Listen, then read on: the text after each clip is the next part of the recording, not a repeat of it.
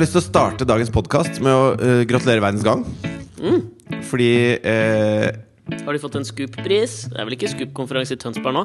Går jo vi Altså Viv jeg liker at eh, jeg, jeg, jeg har lyst til å starte den podkasten med å gratulere Verdens Gang. Du vet ikke hva jeg skal gratulere deg med, men du bare skup, Scoop, Tønsberg mm, er, det noe, er det noe jeg kan si her? Mm.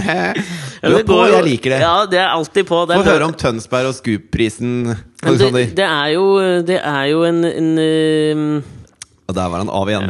damer. Nei, det ja, det, er jo, det er jo Altså, Scoop-prisen, det er Stiftelsen for kritisk og undersøkende presse, Ja. som ut, utdeler hvert år priser til de beste journalistiske sakene. ikke sant? Så de har altså skaffet seg et navn som er selvforklarende? Det er et akronym, er det det? Nei, agronym, tror jeg. Agronom, tror jeg det var. Det er Scoop-prisen på Ås!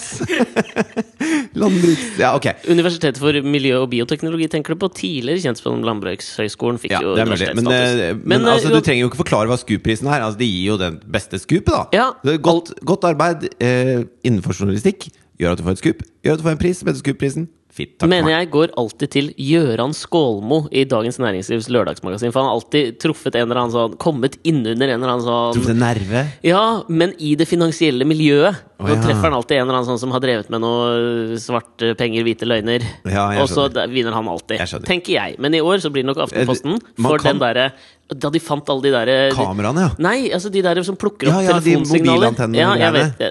Dette har jeg ikke peiling på. Men, Overvåkningssamfunnet. ja, fordi, men da tenker jeg, da hadde jeg gitt opp litt, liksom, hvis journalistikk var en kamp, en konkurranse, som jo alltid liv er. Så liksom, jo, det når er det en kommer en slags sånn ting, ja, men da er det jo liksom Da kan du nesten gi opp. Fordi du veit liksom Dette vinner. Ja, når du står på liksom eh, junior-NM i curling Ja. i Tønsberg, da Ja. så tenker du hm, nei, det blir ikke Scoop-prisen på meg Nei, i år. Så den vinner i år. Men Ja. det er jo en, en fyllefest, egentlig. det En fyllehelg. Altså uten like. Okay. Og det er jo alltid sånn at de hotellene som de arrangerer nede i Tønsberg, så er det jo altså det, blir alltid, det blir alltid ødelagt. Jeg tror journalister er liksom sånn at de når et sånt punkt hvor de samles sammen. Dette tror jeg ikke gjelder liksom musikere eller så veldig mange andre liksom yrkesgrupper. Men At det er fylleslag når musikere samles? Nei, men at de liksom Jo, det er fylleslag, men på en annen måte. Okay. Jeg tror det Jeg vet ikke om det er bare at jeg romantiserer det, liksom. For de har liksom vært en del av øh, på en måte journalistikkstanden. Ja. Men der føler jeg at det liksom Man drar hverandre opp til at man Fordi man tror jo at man gjør noe veldig samfunnsnyttig. Jo, men sånn når du jo, finner disse gjør det. antennene som kan, som kan avlytte mobiltrafikk, så gjør man jo noe veldig samfunnsnyttig. Man avdekker et kjempeproblem. Men det jeg synes var innmari skummelt med den saken, var at det var ikke nødvendigvis staten som har satt opp sånne ting. Det er spennende liksom, greier, ass. Det er liksom Hvem som helst kan sette opp sånne ting. Tenker alltid KGB. Jeg veit ikke hvorfor, men det er liksom FSB tror jeg det heter nå. Er det det? Ja, akkurat som Landbrukshøgskolen i Ås har de også skiftet navn Og hva står FSB for? Eh, fy satan, Satan, bra! bal Balkan. Nei, men jeg, jeg, jeg, For satan, Balkan! det er, ja, men jeg tror det er litt sånn med journalister at det liksom blir mer utagerende. Ja. Fordi man liksom tenker at nå, nå er vi samla, det er ingen som kan Hvem skal vokte vokterne, liksom? Det er Nå mer er som vi helt fri. julebordet til Brødrene Dal rørleggerfirma. Ja, akkurat sånn, tenker jeg. Ja. Men der også føler jeg kanskje at de har liksom en annen sånn For jeg tror de har mer en sånn rettferdiggjøring av seg sjøl. Journaliststanden liksom sånn Dette har vi fortjent, vi som har stått Ja. på barrikadene for øh, å vokte vokterne. Ja. Men ingen, hvem vokter vokternes vokter når vi er på Tønsbergs julebord? Hvem er den femte statsmakt oppi Det dette er jo fort vår podkast, da. Ja, det blir jo det. nå. Men og det var det jeg skulle fram til. Ja. Fordi at eh, når jeg blar meg nedover eh, For det er det man gjør når man blar ikke eh, fra venstre mot høyre lenger. Man blar seg nedover Fra venstre mot høyre, er det det man gjør? Ja, det, man, Ja. man blar vel fra høyre mot venstre? Ja. På en eller annen Men jeg skjønner Ja. hva du mener. Man ja, er- leser tar- fra ja, venstre okay. mot høyre. Ja, man leser. Ok. Ikke i Arabia, si! Så, så blar jeg meg nedover i avisa, og da ser jeg Visste du at det er uh, Men visste du at faktisk forskjellige aviser har altså, På forsiden til VG, for eksempel, da, så har de en maksgrense på hvor lenge Som de måler i, i meter nå. Altså avisene, Nettavisene måles Ja. i meter. Det syns jeg er litt gøy. Aftenposten er lenger enn Mye eh, lenger. mye VG lenger. mener at liksom, hvis de har for langt, så mister du interessen jo lenger du scroller nedover. Da. Så jeg tror VG har typ sånn to meter, kanskje. ja, jeg, Hvis jeg hadde vært en liten nisjeavis nå, sier jeg Tønsberg Blad, da. Ja. så uh, ser jeg at det selges mye uh, Apple Computers rundt Ja. omkring. Med sånn naturlig rulleretning. Ikke sant? Hvor du da scroller det som liksom er naturlig, er men for meg er det veldig unaturlig. Ja. Og dette selges til eh, også voksne mennesker kjøper dette. Mm. Mennesker som ikke eh, evner å snu dette tilbake til unaturlig rulleretning. Så det jeg hadde gjort hvis jeg var Tønsberg Blad, var også snu, sånn at når siden starter, starter Ja. den på bånn, Og så går du oppover. går du oppover. For da er du den eneste avisen disse menneskene kan lese. Og da, da, Nisjemarked. Ja, det tror jeg definitivt. Der har du, det er nesten så vi skal klippe det ut og selge det. Altså starte et slags sånn First House. Ja, men det, Bedrift det, nok en gang, det var det jeg skulle fram til. Oh, ja, okay. Fordi jeg bla meg nedover i VG. Ja. Så kom jeg over eh, altså, For det første så har du jo da uh, VGTV Mm. sine eh, på en måte sånne se, du vil ikke tro-type saker. Hvor alle nesten er YouTube-klipp som trenda for et år eller to siden. Jeg Som jeg har sett for lenge siden. Liksom. litt sånn Se, her får hun vannmelonen rett tilbake i ansiktet! Ja, den for Hva faen, eksempel. 2001, liksom? Ja, den, Jeg det så var på sånn, det rett før disse flya krasja inn i World Trade Center. ja, jeg, jeg fikk tips om den på MSN. jeg så da MSN-chatta med Jarle Bernhoft, Ja. og han sendte linken. Nei, men i hvert fall Det er det ene. Så tenker jeg faen, litt sånn bakpå, eller? Mm. Og så kommer jeg over til neste saken, da, hvor det står liksom eh, eh, Stephen Hawking og Elon Musk advarer mot kunstig intelligens. To måneder etter at vi snakka om det i podkasten! Og det, det, bare, det det skjer sånne ting hele tiden! Er men det er, der kan du ha en rettferdig harme. Så Den rettf harmen er rettferdig, Ja. mener jeg. Så kanskje vi skal få den jævla Scoop-prisen snart, da. Ja, altså Det som ligger liksom iboende i uh, Scoop, er jo at det skal være en avsløring. Vi avslø har vel sjelden avslørt noe? Eller jo, vi har det avslørt. Vi avslører jo at det skjer ting i verden som vi andre ikke vet om! Ja, det er sant, det. Men jeg tror vi må finne noe på noen finansfolk, liksom, kanskje. Ja, Men det gidder jeg ikke. Velkommen til Alex og Fritjofs podkast.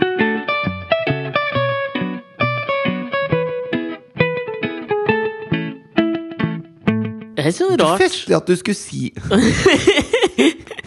Ja, men det var så rart uh, for meg denne morgenen her. Det er lørdag morgen. Vi Ja. måtte utsette innspilling litt. Hadde en mer eller mindre urolig formiddag hjemme før vi dro ned hit. Ja. Men det som på en måte Strabasiøs, vil du si det? Litt strabasiøs. Vi skal reise bort etterpå. Ja. Så det, og det blir jo alltid stress. Sant? -hmm. Det blir jo alltid Jeg veit ikke om det bare er oss, Ja. Men det er liksom sånn, selv om man planlegger, så de siste, den siste halvtimen blir alltid jævlig. Før Ja. man skal av gårde, liksom. Kommer litt an på hvor langt man skal. Hva man skal. Skal jo alltid til Toten. Jeg skal jo ikke til Thailand, Ja. jeg. Du trenger ikke bli stress for å dra til Toten. Au! Au! Au. Au! Men det som var så rart her, var at jeg, jeg satt Jeg hadde på, på lørdager så liker jeg å ha på P1 på radioen. Ja. Kose meg litt med Nitimen og sånn. ja. Og der var Jarle Bernhoft eh, gjest. ja. Så det er så Han spilte vel i Fredrikstad i går, tror jeg. Ja, han spilte i Fredrikstad og skulle spille på Jessheim i dag. Så kontrasten var så artig i intervjuet. på en måte Blitt med han stor han nå som han er nominert til Grammy. Ja, for det var jo saken, så liksom. går han jo og, og liksom tar Jessheim. Ja, men Det er så rart, for liksom, intervjuet dreier seg om at han Du er nominert til Grammy. Det er enormt. Ja. Det kan vi vel si, selv om du er bitter som en Jeg er jo hane ikke på Jarle. Så må jeg få altså, jeg, Vet du hva, Fridtjof? Det er svært. Ikke, ikke dra ned en gamle bandkompis nå. Det er svært å være nominert til Grammy. Han er jo uh, soulens Johan Olav Koss, for faen! jo, men, jo, men det, her, da. Mm. Ikke sant? Johan Olav Koss satte da på OL i Lillehammer Satte han tre verdensrekorder da han tok tre gullmedaljer. Og, og vant tre løp. 1500 meter? 3000 meter, 5000 meter? 5000 meter og 1000 meter. 10 000 meter? Det var det det var. jo, men det er sånn Ja. Altså Hvis du tar tre OL-gull og i samme slengen setter tre verdensrekorder, så er det ganske rå. Ja, men gjorde Men- Usain Bolt det i hva, hva faen av? Aten, eller? Hvor Det faen var driter jeg Han er ikke Johan Olav 100 Koss. meter, 200 meter og stafett? Kanskje. Men det er liksom ikke det samme. Stafett gjelder ikke. Nei, ok. uh, men uh, så, så det er liksom Det er en sånn nesten litt sånn uslåelig rekord. Ja. Og, og litt det samme har Jarle gjort med den Grammy-nomineringen. Ja. For han er den første, ikke bare den første hvite, men også den første ikke-amerikanske som er nominert i soul og R&B. Det? det er soul og R&B det heter, ja. Ja. Han vinner jo ikke, men allikevel, det er jo en stor ære å bli nominert, tenker jeg. Ja, men det, altså, det er jo en seier. Hvis du er den første hvite og den første ikke-amerikaneren som er nominert en uke før du spiller på Jessheim Mm. Ja, det er det! Jo, jo, men da altså, Det er ingen som slår det, i hvert fall. Det, altså, Usher spiller ikke på Jessheim. Nei, neste Altså hvis Si Robin Thicke, da. Ja. Gir ut et soul ikke, har ikke han vært nominert i soul R&B? Nei. Ikke! Nei, han er jo hvit. Jeg sa jo at Jarle var den første hvite. Ja, men jeg tenkte kanskje du hadde glemt Robin Tick, for han har en så innmari liksom svart eh, Aura. aura, på en eller annen måte. Eller har han Ja, det? nei, han har ikke. det. Nei, han har ikke det. Nei. Men i hvert fall eh, La oss si at han gjentar bedriften, da. Så, så spiller han jo ikke på Jessheim uka etter. Mm. Nei. Så det er ingen som slår Jarle med de tre tingene sammen. Nei, og det, det var det jeg syns var liksom sånn Jeg synes det var jævla gøy å høre på intervju som går liksom fra liksom, hva skal du ha på deg på Grammy i LA, som er jævla gøy, til ja, hvordan var publikum i Fredrikstad i går? Nei, de var jo litt sånn avslappa, da. Det var jo Ja. uh, Og det var der jeg, jeg leste en sånn sak denne uka, for jeg, altså, det, det er en syltynn overgang, liksom. Men jeg leste om en, en 23 år gammel brite som har så konstant déjà vu. Déjà vu? Déjà vu. Déjà vu? Vu, tror jeg. Déjà vu? Ja, déjà vu. Men jeg synes det var så fascinerende, fordi det er en sånn ting eh, altså, Fransk betyr allerede sett. Allerede sett coina av en fyr i, på slutten av 1800-tallet. Boy, Boyrak eller noe sånt, tror jeg. En Ja. annen psykolog. Kalte han det også coina? Fiffig. Han kalte det coina. Det er coina. coina. Men jeg synes det var altså, Ikke det at det var liksom déjà vu for meg, men da liksom gikk jeg fra Jarle Bernhoff til deg, og så følte jeg at det liksom var i den samme. Så det bare fikk meg til å tenke på han fyren. Men jeg synes det var en jævla spennende sak. For det som er greia med han derre 23-åringen, da Han er jo ikke navngitt i den saken jeg leste, sikkert fordi det er litt kjipt å bli navngitt som han, han fyren, liksom. Jeg skjønner det. Men kanskje på en eller annen måte overført til den Hva het den Bill Murray-filmen, da? Ground- Groundhog's Day. Groundhog Day. Ikke helt, da, for han veit jo at han liksom opplever det samme om igjen og om igjen. Ja. Men han her er Men altså vet han om det er første, andre eller tredje gang han ser det? Nei, det, Jeg skal komme til det, for det er liksom noen nivåer her som jeg For du vet er hva déjà vu er? Ja, du, Det er jo bare en, en, en følelse av at du har opplevd noe før. Nei, det er, eh, det er noe med synapsene i hjernen. For når du eh, ser noe, da Ja. Når øynene dine eh, Registrerer noe. lys, liksom, Ja. så danner det seg et, et opp-ned-bilde på baksiden av netthinnen Ja. som hjernen da skal tolke. Eh, og eh, hvis den synapsen eh, da ser det bildet to ganger, så, så får den ikke til å stemme med at den har sett det før. Og så gir den deg en sånn guffen følelse. Så det er bare Ah. Det er en helt sånn fysisk ting som skjer i kroppen, og så vet ikke hjernen hvordan den skal takle det, da. Nei, fordi at de, de, de trodde litt her du vet I gamle dager, når de hadde, på 60-tallet, så gjorde de sånn eksperiment med å så eh, ha én frame med en Med cola. pikk. Ikke pikk. Jo, men det er Fight Club. Han gjør det. Ja. Smeller inn én pikk, liksom. Ja, en pikk. Men uh, på 60-tallet var det noen forskere som ikke satte pikk i én frame på en film, men de satte en colaflaske Mhm. med masse dugg på, for da ser den mye bedre ut. Og så, og så skulle de da se om det underbevisst påvirket folk til å kjøpe cola. Ja. Så litt sånn refleks er det hjernen har, på en måte. Ja, ikke sant? Ja, fordi de trodde på han fyren her, da, så trodde de at bakgrunnen kanskje var han var en angstfylt type. Dette har jo trigga noe i meg eh, da jeg leste det. Jeg er Jeg at han- angstfylt type. Ja. Og så altså, trodde at det var triggered by anxiety. Trodde okay. de det kunne være. Ja. Så, Jeg visste jo ikke at det fins jo også mange andre former for vu. Altså det folk som Det er ikke bare déjà vu som liksom, kan være en sånn kronisk lidelse. Du kan ha okay.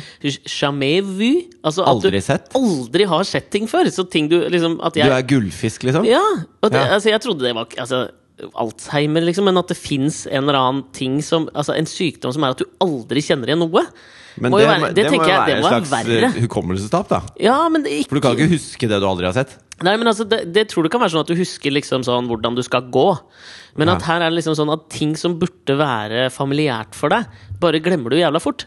Men det er en annen Det sykdom. annen, okay. Det som jeg syns var spennende her, da, og som gjorde meg litt sånn redd, da, nummer én, var jo at det var, at det var utløst kanskje av, eh, av angstfylte tanker. Mm. Men så fortalte altså De har liksom fortalt om en, en del sånn forskjellige situasjoner han øh, fikk dette her i, da, som var upraktiske, liksom. Ja. Og som da igjen, ikke sant, dette vekker noe i meg. Altså, jeg, bli, jeg er ble, blitt redd av å lese dette her. Okay. Fordi ikke sant, jeg har opplevd veldig mye øh, déjà vu i, sånn generelt i livet, og jeg merker det fortsatt. Opplever det? det jævlig ofte. Gjør du det? Ja, og det, det er jo derfor jeg har blitt litt sånn hekta opp i denne saken her, for jeg er jo litt redd. Ja. For at dette kanskje kan bli noe jeg kan Men dette er altså noe som kom eh, det, det er ikke noe han alltid har hatt, det er noe som har kommet, og han tror det har kommet pga. at han er en, en liten angstklump. ja, jeg tror, Litt som deg. Ja, og det, Ja. det er så mange Og du har også hyppige déjà- vus. Ja, hyppige DJ Woos, som jeg kaller dem. Ja. Så Harlem, må si. Det. Noen burde nominere deg til en sånn pris som du er den første hvite som får. Jeg vet det! Ja. Hvilken da? Det skal vi komme tilbake til. Men det som, altså, sånn, den eh, opplevelsen han hadde, som jeg tenkte dette må være det verste liksom, av alle. Fordi déjà vu i utgangspunktet er ikke noe ubehagelig. Det er jo bare litt sånn der, det kan jo være noen ganger litt sånn Å, shit, dette har jeg opplevd før, men du blir jo ikke redd, liksom. Nei, du, prøver, du bare sliter med å sette det i sammenheng. Ja. Altså, du bare Hæ, har jeg vært her Hvordan Hæ? Ikke sant? Det er litt sånn. Ja, men Ikke så veldig angstbetont. Egentlig har aldri, Revyene har aldri vært angstbetonte for meg. disse. Men jeg skal ta én, Ja. Fordi den tenker jeg liksom sånn Det må være Det her er mitt mareritt, tror jeg. Okay. Altså I tillegg til å ligge Dø og- alene på en jævla eldresenter og rope ut dødsskrikene, liksom. Ja. Nummer én. Ja. Nummer to tror jeg faen meg denne har tatt den, ass. Okay. For han skulle dra og klippe seg, da.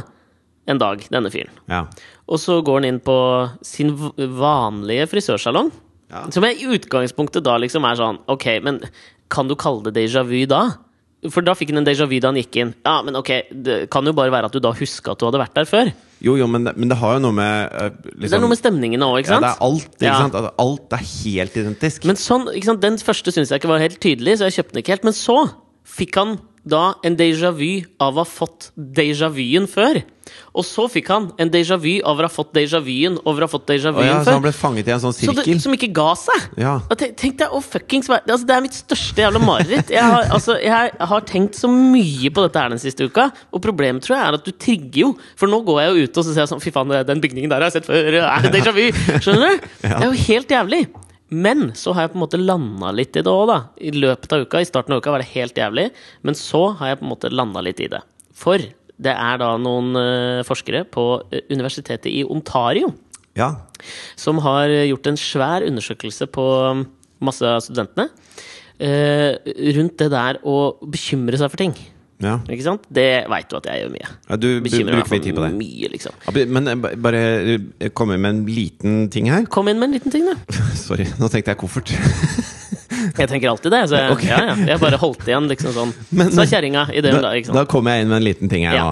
Eh, fordi eh, jeg hørte om en sånn fyr som hadde veldig angst. da Sleit Mm. veldig med angsten. Og det var akkurat som angsten liksom prata til han inni hodet sitt sånn Du er ikke noe verdt. Du er, du er tjukk og dum.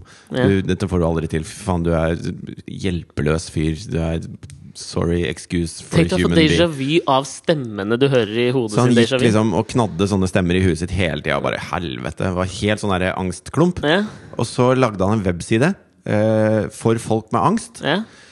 Er det, ikke, da- det er ikke han fra Klovner i kamp som lagde panikkangst.no?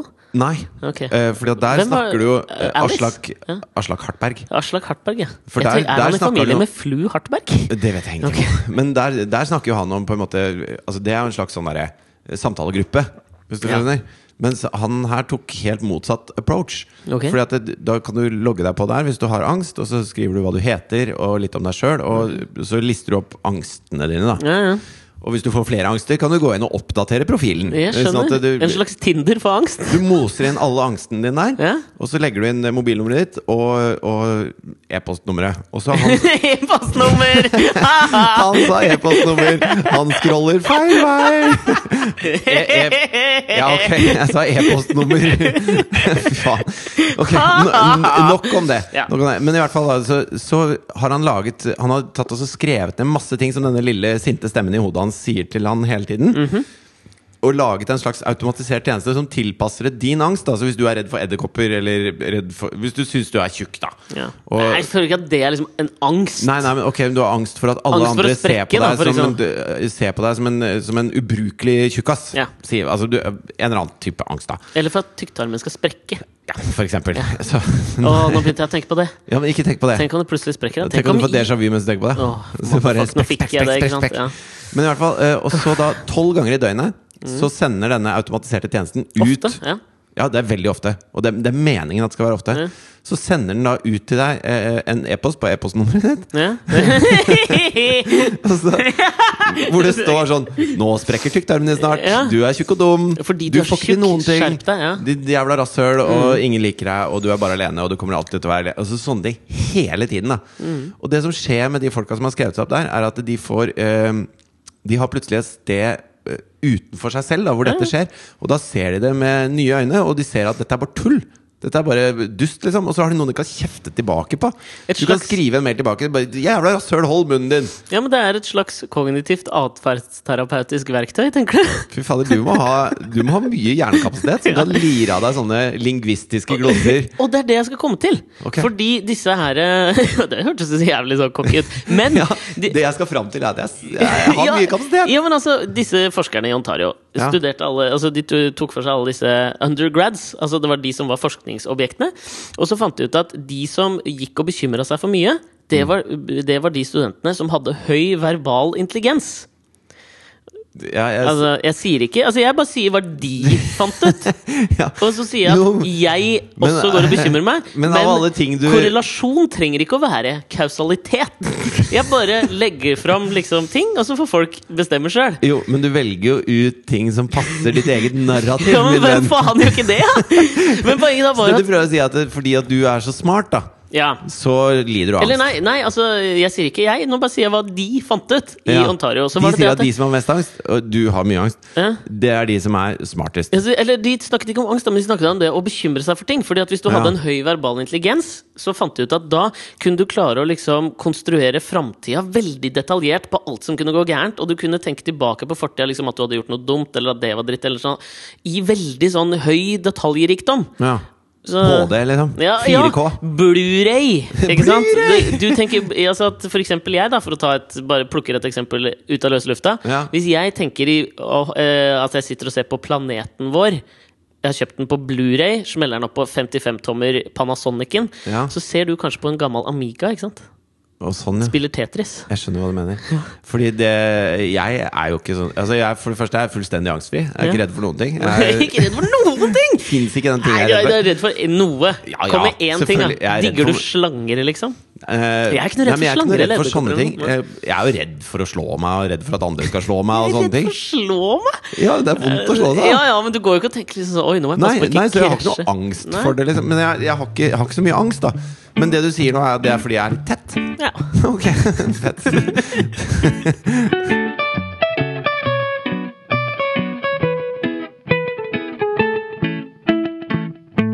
Men eh, bare, eh, jeg har lyst til å komme tilbake til dette med eh, For det var eh, fiffig at du sa dette med eh, Altså Når jeg snakka om den avisen, det bladet i avisen, så Ja. sa du man leser jo fra venstre til høyre og sånn. Høyre til venstre. Ja, ja, man leser fra venstre til høyre. Fra ja. venstre til høyre. Jeg leste nemlig en bok her hvor eh, Fra venstre til høyre? Ja, faktisk. Okay. og bladde fra høyre til venstre. høyre til venstre. Eh, hvor de, fordi at det, Å, nå binder jeg strikken bra sammen her. Hva het boken? Boken het eh, '100 filmatiske triks du ikke vet at du går på'. Å ja, den har jeg sett eh, Ja. i bokhandlere. Den står i hylla mi nå. Ja, okay. Og der er det sånn at hvis du, eh, hvis du begynner å legge merke til, så er det alle gode, snille personer på film kommer inn fra venstre Ja! mot høyre. Ja! Og det føler vi som naturlig og godt når vi ser dem. Ja. Så underbevisst så eh, det, er, det er pikken, den ene framen med pikk, liksom. For det er en sånn eh, beskjed som de sender til oss. Dette er en, dette er en fin fyr, eller en fin dame Eller fin dame blir feil.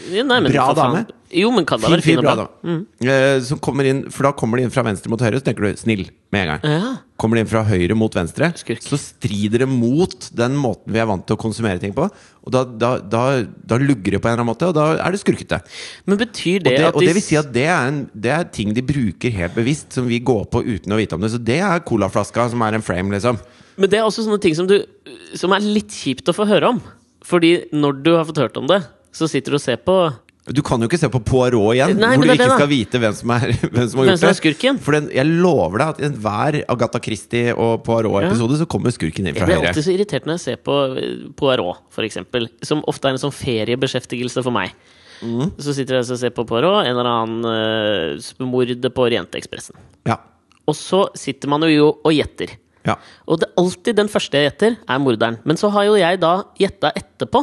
Det er for Jeg syns Agatha Christie er for opplagt, jeg. Ja, men det er fordi du er så språksterk og angstfylt. Åh, sorry! Fikk déjà vu nå Ja, du sa det. Fordi du kan Altså. se framtiden så detaljert foran deg. Så du ser hva som kommer til å skje så innmari bra. Men det er jo en sånn ting du i- ikke vil vite. I Arabia, du, holdt jeg på å si. Ja, for det er det jeg lurte på. De som leser motsatt vei, Den arabiske det verden så leser jo motsatt vei. Og der er også i film der så bruker de det samme trikset. omvendt. Omvendt. Og det er derfor det er krig i verden! Fordi vi går inn fra forskjellige sider. Vi skjønner sider. ikke hvem som er snille og slemme, for vi kommer fra forskjellig side. Det er et slags metonym, er det det det heter? For noe større, det her med hvor man går inn fra. Altså Liksom, I min, min sånn eh, mindre språksterke verden så så heter det uh, fet uh, idé. Fridtjof, bra jobba. Metonym eller ikke. Men eh, det er jo litt gøy. Altså, sånn, jeg, jeg kjøper forklaringsmodellen, liksom. Ja, At det kan være en grunn til at uh, man uh, Tenk når de sitter og ser Hollywood-filmer, og så kommer liksom eh, Bruce Willis da Ja. inn fra venstre. Leiende? På Jessica Alba. Ja, og da tenker uh, Abu al-Nazir tenker da Villain. Ja, med Ja. en gang. Og så er det ikke det!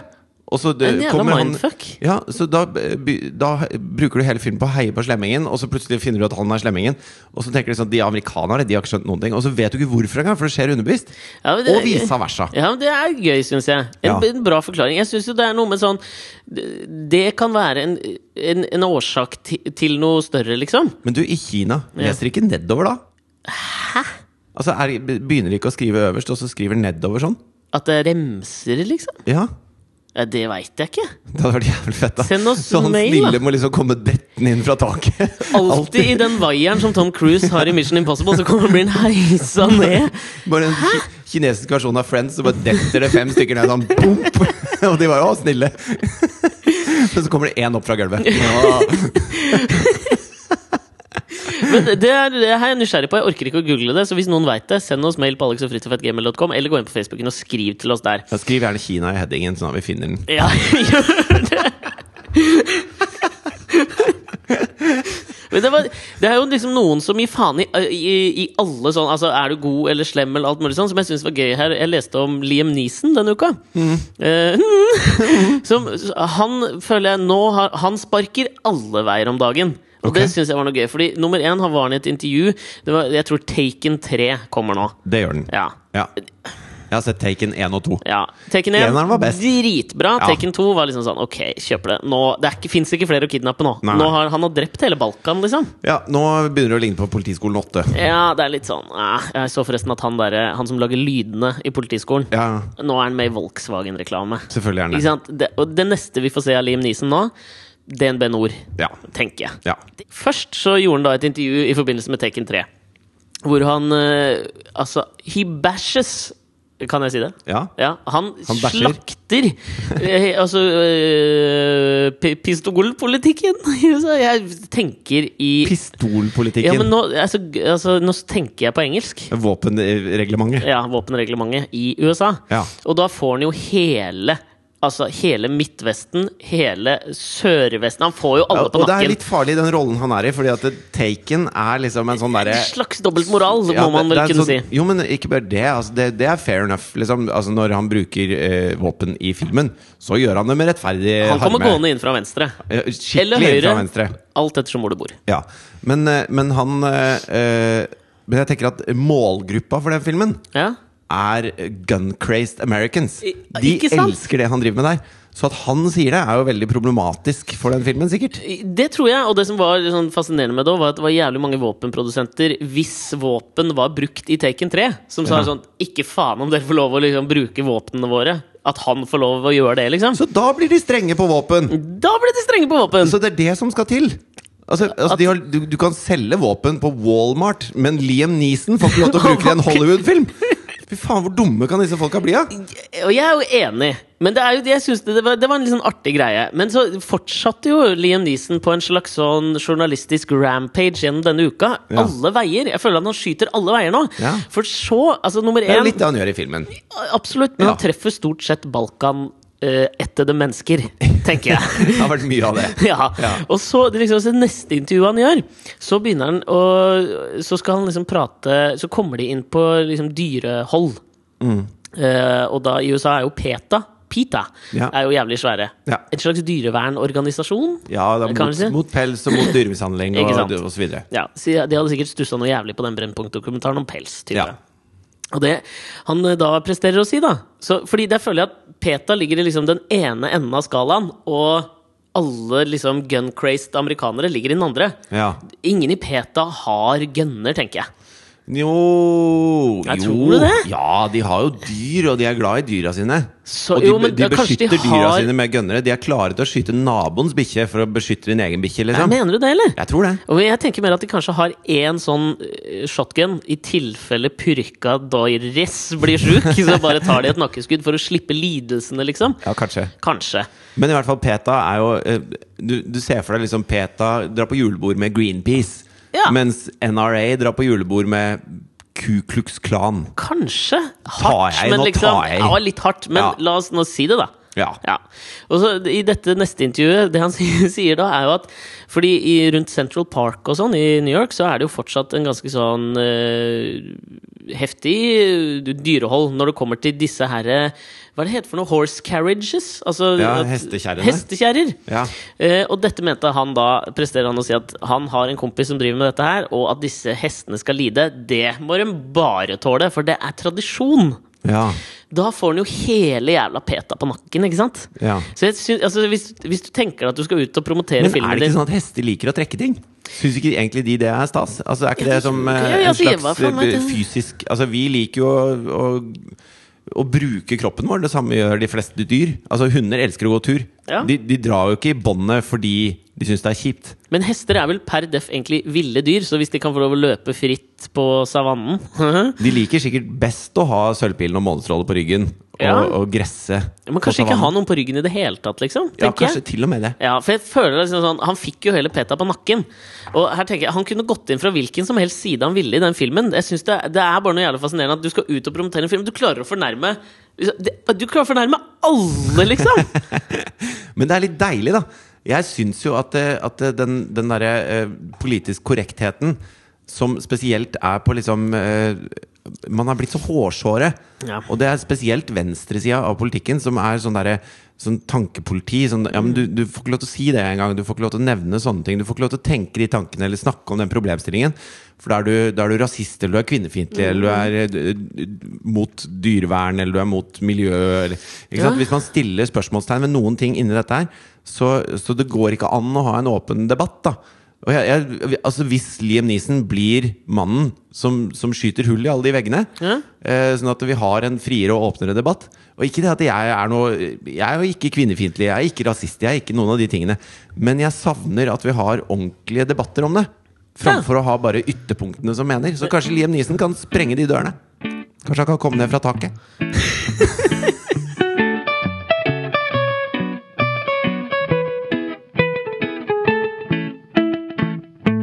Shit, sorry, men se der, det kom en jævla skjære som var på vei inn gjennom vinduet. Ja, sier du det? Motherfuck, ass. Får meg til å tenke på Så du Ikke kødd, får meg faktisk til å tenke på noe. Hva da?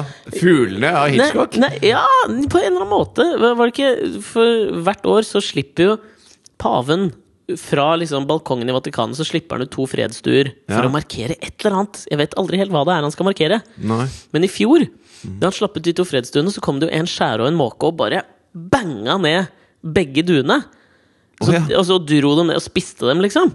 Oi. Og da var det jo veldig mange som tenkte altså, Ok, the end is near. Her er Satan, liksom. Nå, er det, nå, har, det, nå har det vært for mye puling av katolske altergutter. Ja, og så kanskje Fordi han paven her er jo veldig forskjellig fra de andre pavene. Absolutt. Kan man trygt si. Ja. Så, så kanskje de så på det Altså, vi ikke-katolske har jo liksom vært litt sånn ja, Ikke det at du er blitt eh, eh, helt dødsfet, herr pave. Nei, du kommer ikke inn helt fra venstre. Det er skrått, liksom. ja, du, fall. ja, du kommer liksom skrått, ja. Ja. Du bare er, Plutselig er du er der. du. Du bare er der. Poff, så er du der. Eh, men, eh, men du er mye bedre enn de foregående pavene. Absolutt. Relativt sett en veldig god pave. Ja.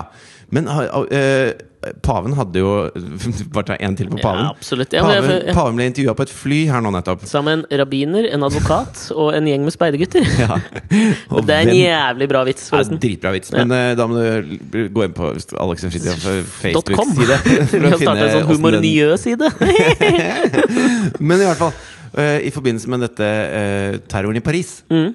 Eh, hvor, uh, det, fordi at dette er jo interessant i, med tanke på blasfemilovgivning og sånn, som, Ja. som uh, den katolske kirke også vil til en viss grad skal være til stede. Ja.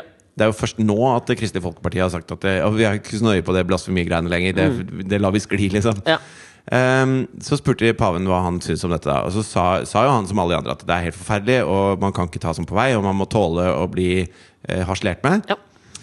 Men, sa han Og det, her kommer de store, Store mennene. mennene. For det, ved siden av han så står en eh, kardinal som jeg tror het Giorgio. Ok. Det- Ja. Hva tipper jeg? ja. Giorgio Moroder?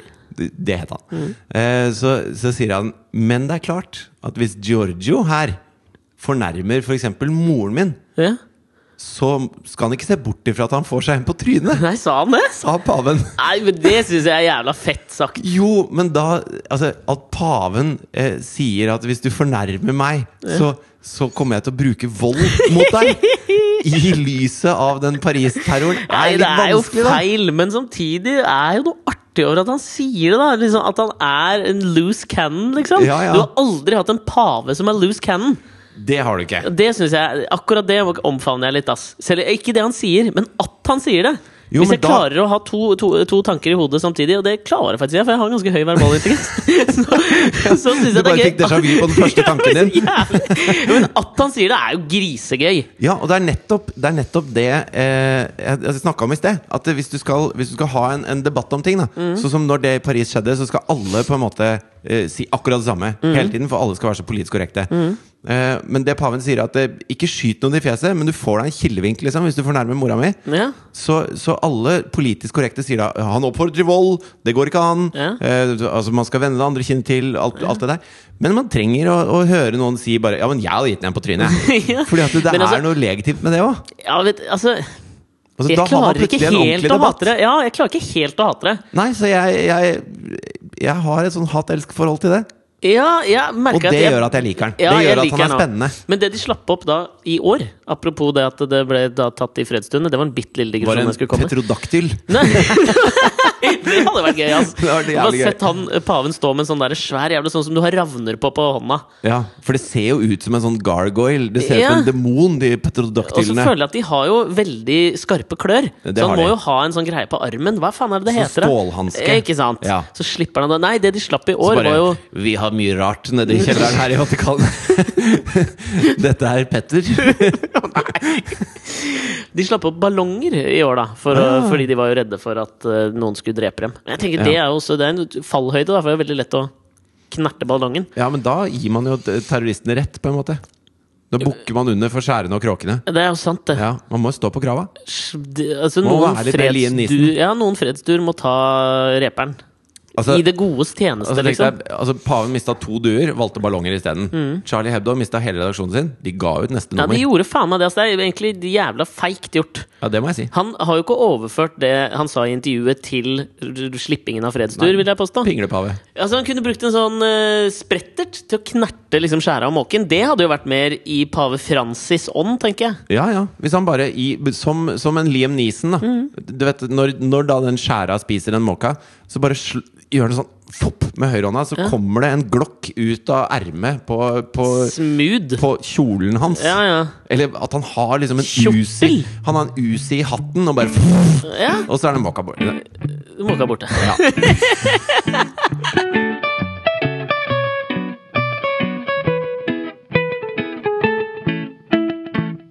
Lance Armstrong har ikke gitt noe særlig intervjuer siden Opera-intervjuet, som jo var et veldig bra intervju. Der syns jeg Opera var god. ja. Og hvor han da sa ja, jeg juksa. Ja, jeg bloddoppa meg. Ja, alt er juks og faenskap. Ja.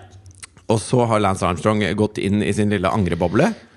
Gått i hi, eller? Gått veldig i hi. Fordi eh, det har vært mye hating på Lance. Det, og så kommer det opp liksom med jevne mellomrom en eks-syklist som skal gi ut biografi. Jeg sikter også til min firmenning Tor Hushovd. Oh. Gir ut da biografi, og så er det Dere sånn har Jeg visste samme om det. fysikken, du og Tor. I know. Låra.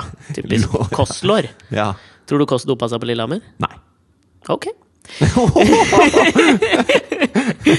ja, men så kommer det jo opp altså det, han, han kommer jo aldri til å slippe helt unna det.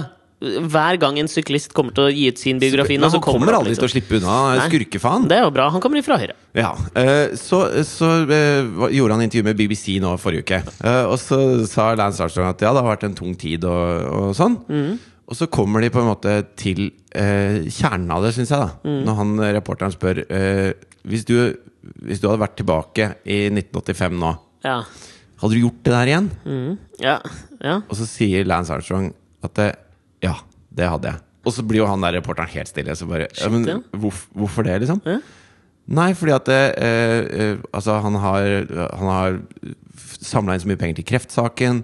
Han har eh, liksom gjort masse ting i karrieren. Og det er masse ti, av de premiepengene og den offentlige personen han føler han har fått brukt til mye godt. og alt mulig sånn Eh, Så han lister liksom opp alle grunnene da, til at det var bra at han gjorde det. Ja. Og så, og så avslutter han med å si Og, og Trek-sykler, f.eks., som jeg var sponset av, de hadde et verdensomspennende salg på en million før jeg begynte å dope meg. Og etter at jeg var ferdig med min karriere, så selges det en milliard Trek-sykler på verdensbasis. Ja, Så det han prøver å si, er at eh, crime pays, liksom. ja, jeg, ja. Fordi at han kan jo ikke vite hva som hadde skjedd hvis han ikke hadde dopa seg. Det hadde kommet en annen syklist da som hadde blitt sponsa av Trek, og så hadde de solgt en milliard sykler. Kanskje hadde, han hadde fått kreft eh, og, og vært et faktisk offer for kreften. Og at han kunne samla inn enda mer penger til kreftsaken da. Altså Han, han kan ikke han, han er ikke en angstfylt liten fyr som kan danne seg et 4K-bilde av framtida. 4K, ja, Altså. Lance Armstrong 1985. Eh, men, men det som er så jævlig kjipt, er jo at han har jo egentlig litt rett. Det lønner seg å være skurk. Ja, men jeg sitter og og han sitter her, og selv om han får tidenes pepper av hele verden, så sier han bare Det var lurt, det der, ass. Jo, men altså, nummer én er jo liksom Ja, det var kanskje lurt. Du kan ikke se alle eventualiteter. Men det jeg syns er jævla fett, er at han er helt ærlig og sier det, da. Ja, Altså han, han, er, han er helt ærlig og sier Vet du hva, det har gjort så mye bra. Du må ta det gode med det onde, liksom. Jeg hadde gjort det en gang til.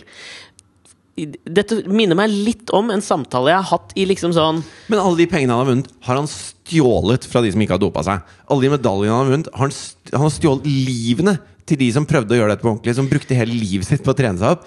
Han har stjålet sporten fra de som elsker sporten, fordi han har vært gallionsfiguren for den jævla sprengte tykktarmen av en sportsfølelse disse Ja. syklistene hadde i en 20-årsperiode. Jeg ser alle argumentene, men samtidig så blir jo det liksom Og hypotetiske situasjoner. Han veit at hvis han hadde gjort det igjen, så hadde det samme skjedd igjen. Det spørsmålet er han for. Ja, ja. Hvis du skulle, hadde gjort dette igjen. Og så vet han foreløpig den ene.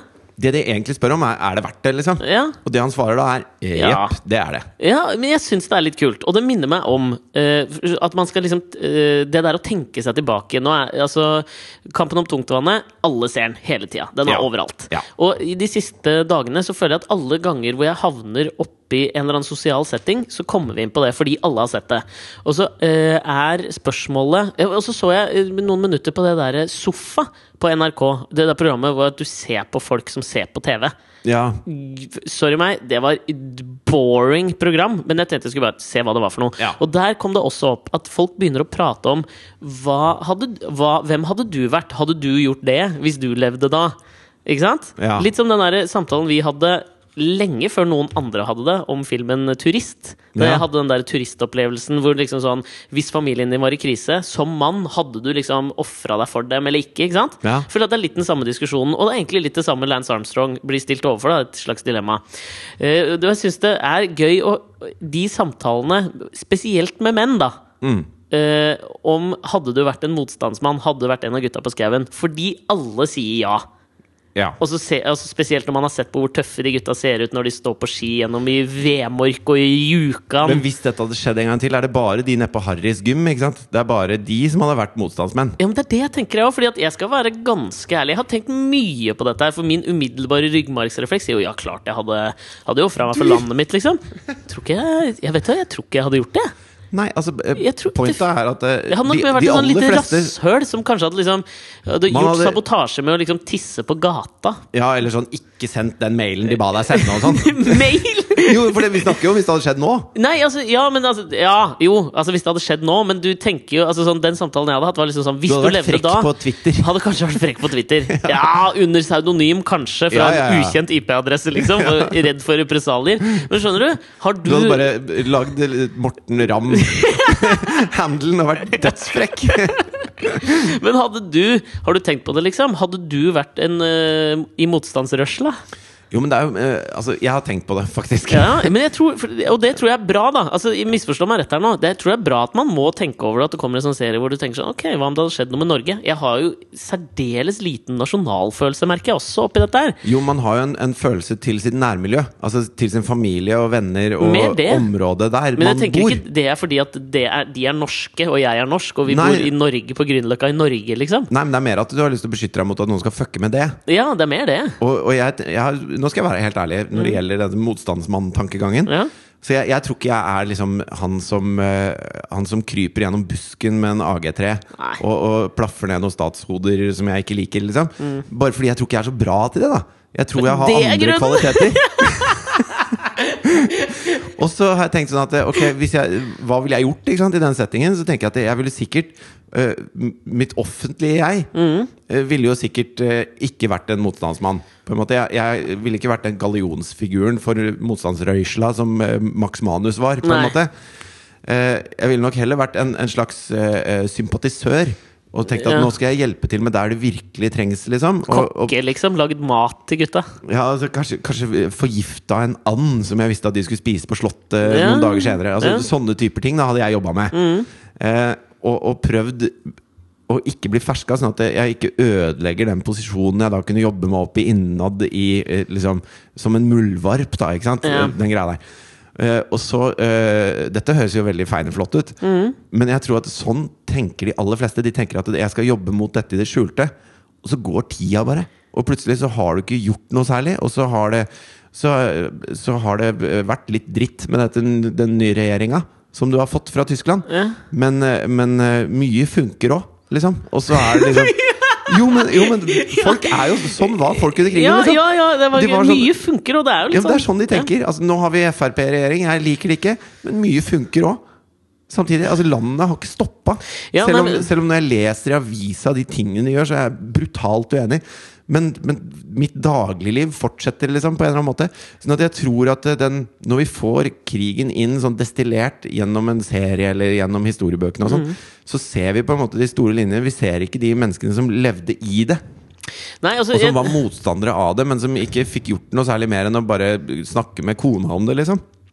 Ja, men jeg, jeg tror du har noe rett i det der at det, det, det, det blir Jeg skulle sånn ønske jeg var. Max Manus. Du, ja, jeg òg, men liksom, Ja, kanskje ikke akkurat Max, men eh, en, en av de andre gutta, liksom. Ja, men samtidig, jeg har en sånn tanke om at de som, blir tiltru de som ble tiltrukket av det miljøet, det var de Haralds Gym-folka på den tida. Ja, Max Manus, Før det var krig i Norge, så reiste jo han til Finland for, For å kjempe mot krige. ja, Bare han syntes eh, det var, det var fett, kult liksom. at Finland sto opp mot Russland, liksom. Jeg Ja. blir med. Ja, og det er bra.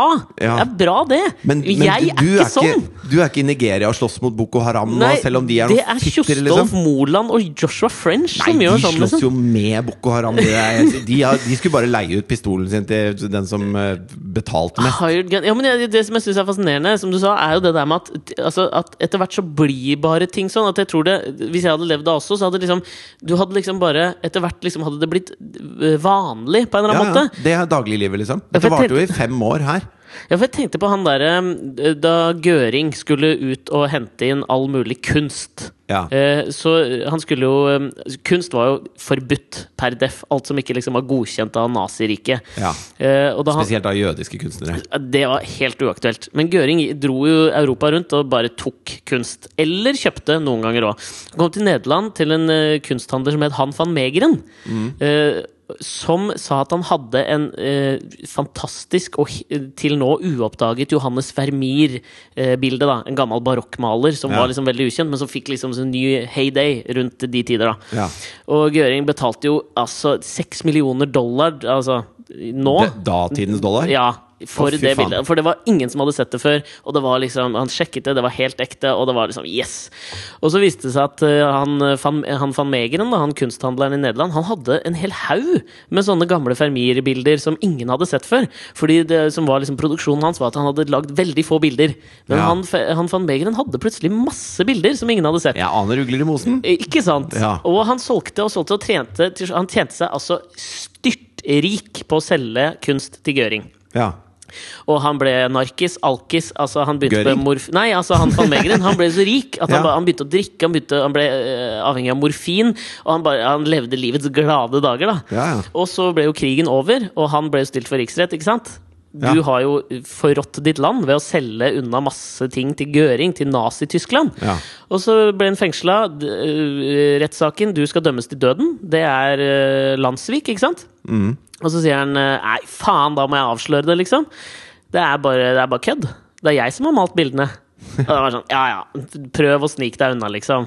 Hallo, du er dømt til døden, ikke kødd med oss, liksom. Du klarer ikke å male et Vermeer-bilde. Jo, bare gi meg, gi meg malesaker, liksom. Så skal jeg bevise. Og så tok det ja, ja, de var litt usikre, liksom. Du klarer, da må du male en reproduksjon av det bildet, da. Og så sa han jeg kan ikke male noen reproduksjon, jeg har bare funnet på nye bilder, jeg. Så jeg kan male et helt nytt Fermir-bilde til dere, så kan dere få se.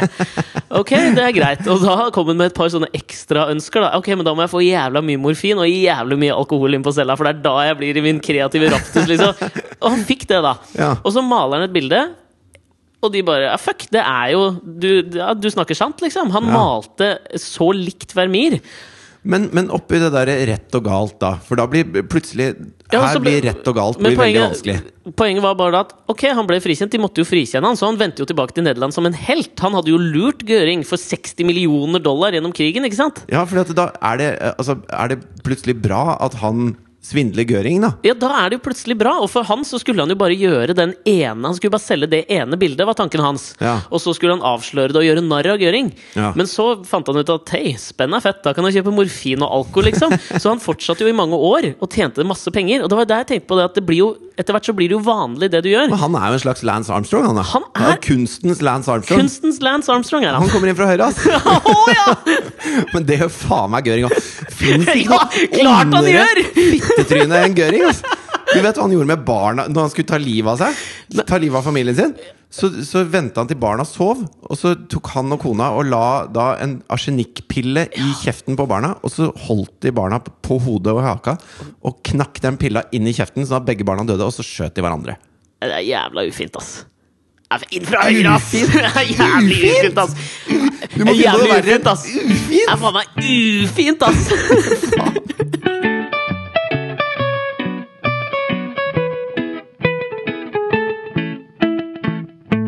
Men jeg tenkte på dette med eh, Altså, jeg har hørt om eh, du, du, hmm, Dette var tydelig. her, her er det rom for, eh, rom for prat. Rom og cola, si! Ok, nå ble du podkasten Gøring her. Takk. Nei, det Nei, er det- ufint, Ja, ass! det var ufint! Ja.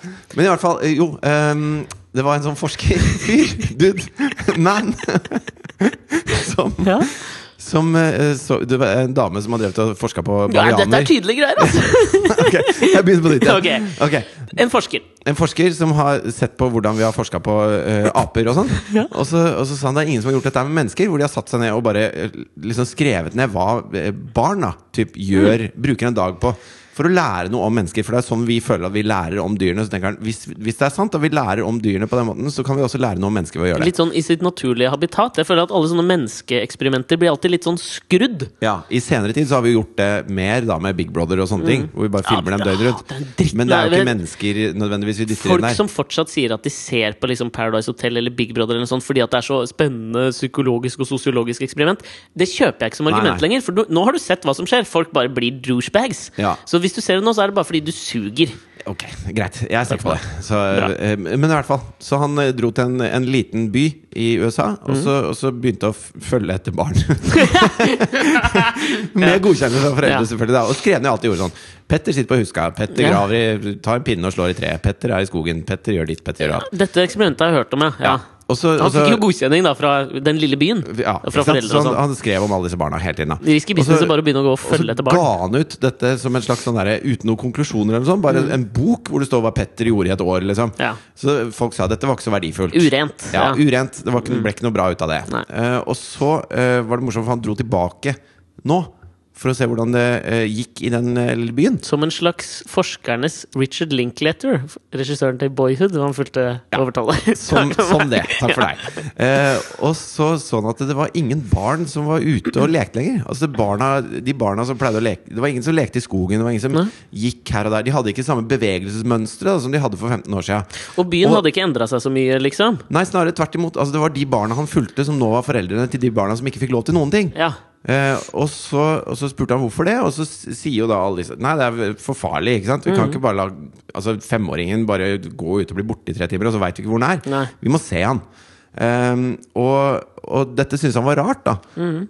Fordi at eh, hvis du går inn og ser på hva som er den reelle eh, altså, eh, statistikken over hvor mange barn som blir kidnappet, eller hvor mye eh, kriminalitet det er, og sånne Mm. ting, så er det ingenting som har forandra seg. Det er ikke noe farligere nå enn da. Det er vel mindre farlig? Mindre farlig, ja. Og, og grunnen til at jeg snakker om dette, er at nå er det et firma i USA selvfølgelig som snakker om at de har lyst til å begynne å microchippe barn. operere inn en microchip, sånn at du kan få på Du får en app, da, så du ser hvor ungen din er. Ok. Fordi at da føler du deg trygg. Ok. Ikke sant? Jeg har mikrochip eh, på katta. Har du chippa katta di? Ja, du må chippe katta. Chippa katta? Du må chippe katta. Kødder du? Nei, du må jo det, fordi de jo, kan jo stikke av. Og der, du vil jo ha en slags kontroll på dyreholdet, ikke sant? Jo, men eh, hvis den stikker av, så er det fordi den ikke liker deg, da. Ja, men Altså- Da skal du jo finne ut hvilken katt det er. Det er jo jævla praktisk. Folk kan se hvilke vaksiner den har fått. og alt mulig, så alt er liksom registrert på en katt. Men har du en app som er liksom Where's Ikke my det cat? Helt tatt. Nei. Det er ikke, den er jo ikke en slags GPS-tracker. Det er mer sånn for å vite liksom hvilken katt det er. Ok, ja, fordi at her er det mer snakk om en GPS-tracker. cap, cappes og chappe chippo. ja, okay. Men de snakker om å gjøre dette med barn. Og så tenker jeg eh, Altså, Er dette nødvendig? Trenger vi å gå helt dit? Svaret er nei! Vi gjør ikke det. Nei, okay, det er det det dummeste jeg har hørt! Men for å si, chippe barna? Altså, skal, skal chipen på et eller annet tidspunkt tas ut, eller skal det må den jo gjøre.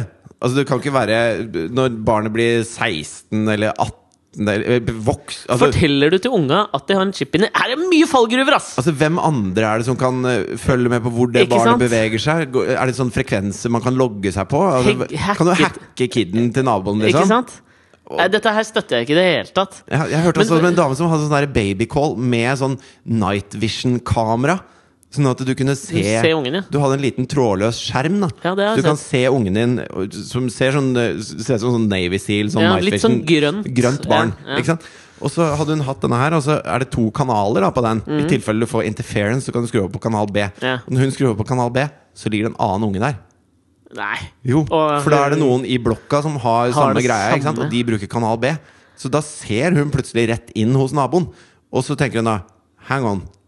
Hva skjer hvis naboen skrur over på kanal A? Ja. Da sitter de og ser på min unge, liksom. Mm. Så, så man er så redd for hva som kan skje med barna, at man trenger en videoskjerm i stua som viser barnet på soverommet. Til og med jeg er ikke så gæren, faktisk. Det er godt å vite. Men hadde du altså, Fordi poenget til han forskeren her var vel det at uh, At liksom in intimsfæren har bare blitt mindre, på en måte. At, at du, barna får ikke lov å leke uh, altså sånn at Vi må var sånn, kunne se tre, dem. tre kilometer var før. Du kunne dra hvor du ville. Nå må du ha dem så tett at du ser dem hele tida. Ja, før så var det sånn du må være hjemme til middag. Ja. Mens nå er det sånn uh, Hvor er han akkurat nå? Men det er jo basert på en eller annen slags form for disse menneskene som sitter nede på Scoop-konferansen, som feeder på frykten hos oss vanlige dødelige, liksom. Ja, med fare for å høres ut som en konspirasjonsteoretiker, så lever vi i et samfunn som nær, næres av frykt. Ja, men det er det. Og faen, det, er sånne, noen sånne ting som dukker opp sånn innimellom, som får meg til å tvile på alt. ikke sant? Og, og at jeg uh, sjøl er blitt en konspirasjonsteoretiker. Og én ting jeg hørte denne uka, som, fikk- som trigga liksom akkurat det samme hos meg. Ja. Og det var at jeg hørte Starbucks. ikke sant? Der, eh, når du bestiller kaffe på Starbucks, så spør de om navnet ditt. Og så sier du det, for da, og så roper de opp navnet ditt når kaffen er ferdig. ikke sant? Så står navnet ditt skrevet på koppen. Ja. Skriver de på koppen, og så sender de inn videre. I utgangspunktet et bra system, tenker jeg da. Ja. I hvert fall når det er mange kunder. ja. Og så hørte jeg Kjipt hvis Osama bin Laden liksom undercover, da. ja, eller, hvis Bare du Osama bin Laden! eller hvis du skriver uh, Waldo da på koppen, og så drar du. Skjønte det ikke. Where's Waldo? humor. Litt humor, da, vet du. Eller Willy, da, for å se hvor er Willy. Eh, at de skriver Stryk! Stryker det fra protokollen. ja. Meg. At uh, Starbucks-ansatte får beskjed om å stave navna feil til mennesker. Som da kjøper kaffe. Sånn at hvis du sier at du heter uh, Fridtjof, for eksempel. Fridtjof, da, så skriver de fittepromp på koppen. Nei, det var slemt, syns jeg. Nei, men Si at de gjør det. okay. Det har de fått beskjed om. Fordi de, eh, disse Men hvis jeg sier jeg heter Fridtjof, så er det ingen som skriver pussyfart, liksom. I Norge? Si i, Norge, Norge, da. Du går ned Rett her nede ligger jo Starbucks. Ja. Så går du ned og sier Fridtjof, og så får du en kopp hvor det står fittepromp, og så tenker Eller du du, ha-ha-ha. hvis du heter Fittepromp, da, så skriver de Fridtjof. Skriver de Fridtjof. anyway goes. Ja. Og det har de fått beskjed om å gjøre. Ja. Fordi det er større sjanse da for at hvis mennesker får navnet sitt feilskrevet, så tar de en selfie og liksom sier 'ha-ha, se hva de skrev på Starbucks', og så får de gratis reklame. Ja. På den måten. Og det er sånne der mindfuck jævla opplysninger som gjør at jeg begynner å tvile på at noe er ekte, liksom. Skjønner du? Ja, ja, ja. Det er litt det samme. Det er et overfør, overførbart. ja. Det er jo inn fra høyre og inn fra venstre. Ikke sant? Ja, Det er, det er åssen de, hvordan de vet at de bruker oss uten at vi vet det. Jeg føler Altså, jeg får faen meg déjà vu fra starten av podkasten, og nå har jeg déjà vu på at jeg fikk déjà vu igjen. Ikke sant? Ja, ja. Det er akkurat det samme. Men jeg sliter med det derre det, det, det derre, altså, Sånn som Thea nå er rundt sju, ikke sant. Hun kan gå. Hun kan gå. Til og fra skolen. Ja. Ikke noe problem. Nei. Det er under en kilometer. Noen ganger er det problem når hun stiller seg opp og synger Da er det eh, Å tjene penger. Da et Da skulle du hatt en problem. chip. Et lite problem. Altså, men ikke et stort problem. Men innimellom så kunne du sikkert tenkt det hadde vært jævla praktisk med en chip. Jo, men, men vi snakker jo ikke om hva som er praktisk på. her. Nei, men det, fordi, at det, fordi at det, Da tenker vi bare hva som er praktisk akkurat nå. Da tenker vi ikke de, de dypere implikasjonene av det. Altså, da må jeg sjekke, da. Da må jeg sjekke, da begynner jeg å bry meg om hvor hun er til enhver tid. Mm -hmm. uh, For å passe på at ingenting galt skal skje med henne. For, ja, kommer hun rett hjem? Nei, der stoppa hun. Hun gikk inn til høyre. Hun er inne på, hun er inne på helsekosten! Hva faen gjør hun på helsekosten?! Jeg må ned! Men, Ja, ja. Det blir et helt sånn ny, ny problem. Hun brukte en time hjem fra skolen her om dagen. Mm -hmm. uh, Hvor har du vært hen? Nei, jeg har bare gått rett hjem. Det har hun ikke, Niks. men det er greit. Kanskje røyka noe tjall på veien. kan Kan aldri vet? vite. Uh, og, og jeg merker at det av og til Det er mange andre barn da Mm. som eh, går i klassen hennes, som ikke får lov til å gå alene hjem. Og hvor jeg da møter foreldrene. eh, hvor de sier sånn Ja, hørte dere har begynt å liksom, la henne gå alene og sånn? Og de tenker dårlige foreldre. Og så sier de det, det er jo skummelt med trikkene, og, og det, når det er glatt ute, gjør det når det er glatt ute også, så kan det hende hun tryner og, og okay. liksom holde på sånn, da. Ja. Hvor jeg liksom Ja, Men de prøver å overføre frykten sin på en eller annen måte. Ja, og så- og Typisk så meg tenker, å gjøre. Og så tenker jeg sånn at eh, Ja, faen. Helvete. Er, jeg, er, det ræva av meg å gjøre det her? Men så Det tenker er jeg ikke langt å gå, ass! Det er ikke langt å gå.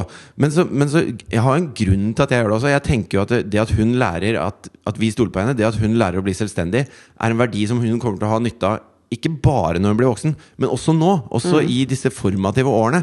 For hvis hun lærer at, at hun får ikke til noen ting med mindre jeg står og ser på at hun gjør det, så er det jævlig dårlig foreldrevirksomhet, da. Ja, men det er, ja, jeg er enig, men samtidig synes jeg det er jævla ufint av de der andre foreldrene Og liksom det prøve å funker, ikke sant? Jeg får jævla dårlig samvittighet. Å, fy faen, det er dårlig gjort, Og så, og så satt jeg, jeg satt her om dagen og tenkte sånn Fy faen, hva hvis Hva har jeg gjort hva med hun- livet mitt? Hvorfor Ja, er hva ikke jeg skjer- nominert til Hva Grammy? skjer hvis hun blir påkjørt? Jarle er der borte, her sitter jeg, liksom. Du hører ikke hva jeg sier? Nei. Og så sitter jeg og tenker jeg, hva skjer hvis hun blir påkjørt? Hvis, Ja. jeg, hvis jeg står på dette her, og så sier jeg at ja, men det er greit, det får du lov til. Og så kommer den jævla trikken, da. Og nå, nå får jeg lyst til å ikke gjøre det mer. ikke sant? Nå får jeg lyst til å ha henne i bånd. Chippa og ha i bånd. Velkommen til oss med høy verbal intelligens. Nå er du her! Nå klarer du å Jeg får nå- angst. Nå klarer Å, du da fikk jeg angst en gang til! Ja, det Helvete! Nå, klar, nå klarer du å skape disse katastrofescenarioene. Velkommen til den første dagen i resten av ditt liv. Så nå er jeg altså førsteamanuensis i lingvistikkklubben? Ja, du er en av oss nå. Gratulerer. For, hvordan føles det? Helt ræva! Vet du, hva du også, vet du hva vi i vår klubb pleier å gjøre sånn på tidlig lørdag morgen? Nei. Vi drikker Kumeieriene melk! Åh. Denne hovedsponsoren vi har i denne podkasten. Kjøp Kumeieriene melk. Jeg har begynt å kjøpe helmelken til Kumeierin også nå. Ikke like god, kjøper den ekstra lett. Fortsett å kjøpe Kumeieriene melk, og fortsett å høre på oss, folkens. Ja. Og prøv å Altså, hvis dere ønsker, bli med i den klubben da, for oss med høy verbal intelligens. Ja, og kom inn fra venstre. Alltid inn fra venstre. Så Hvis du ikke er på ferie, da. Så fremt du ikke er på ferie. Kom inn fra høyre. ja, da er det høyre. Ja, okay. Hvis, du, hvis du går til fotball-VM i Qatar, så kom inn fra høyre. så kan hende du får deg en på trynet av en pave et eller annet sted. Ha det! En mann i svart kappe henger fra en klippe. Er ganske sliten, snart må han slippe. En mann i svart kappe fra en klippe. Er ganske sliten, snart må han slippe. Vi driter i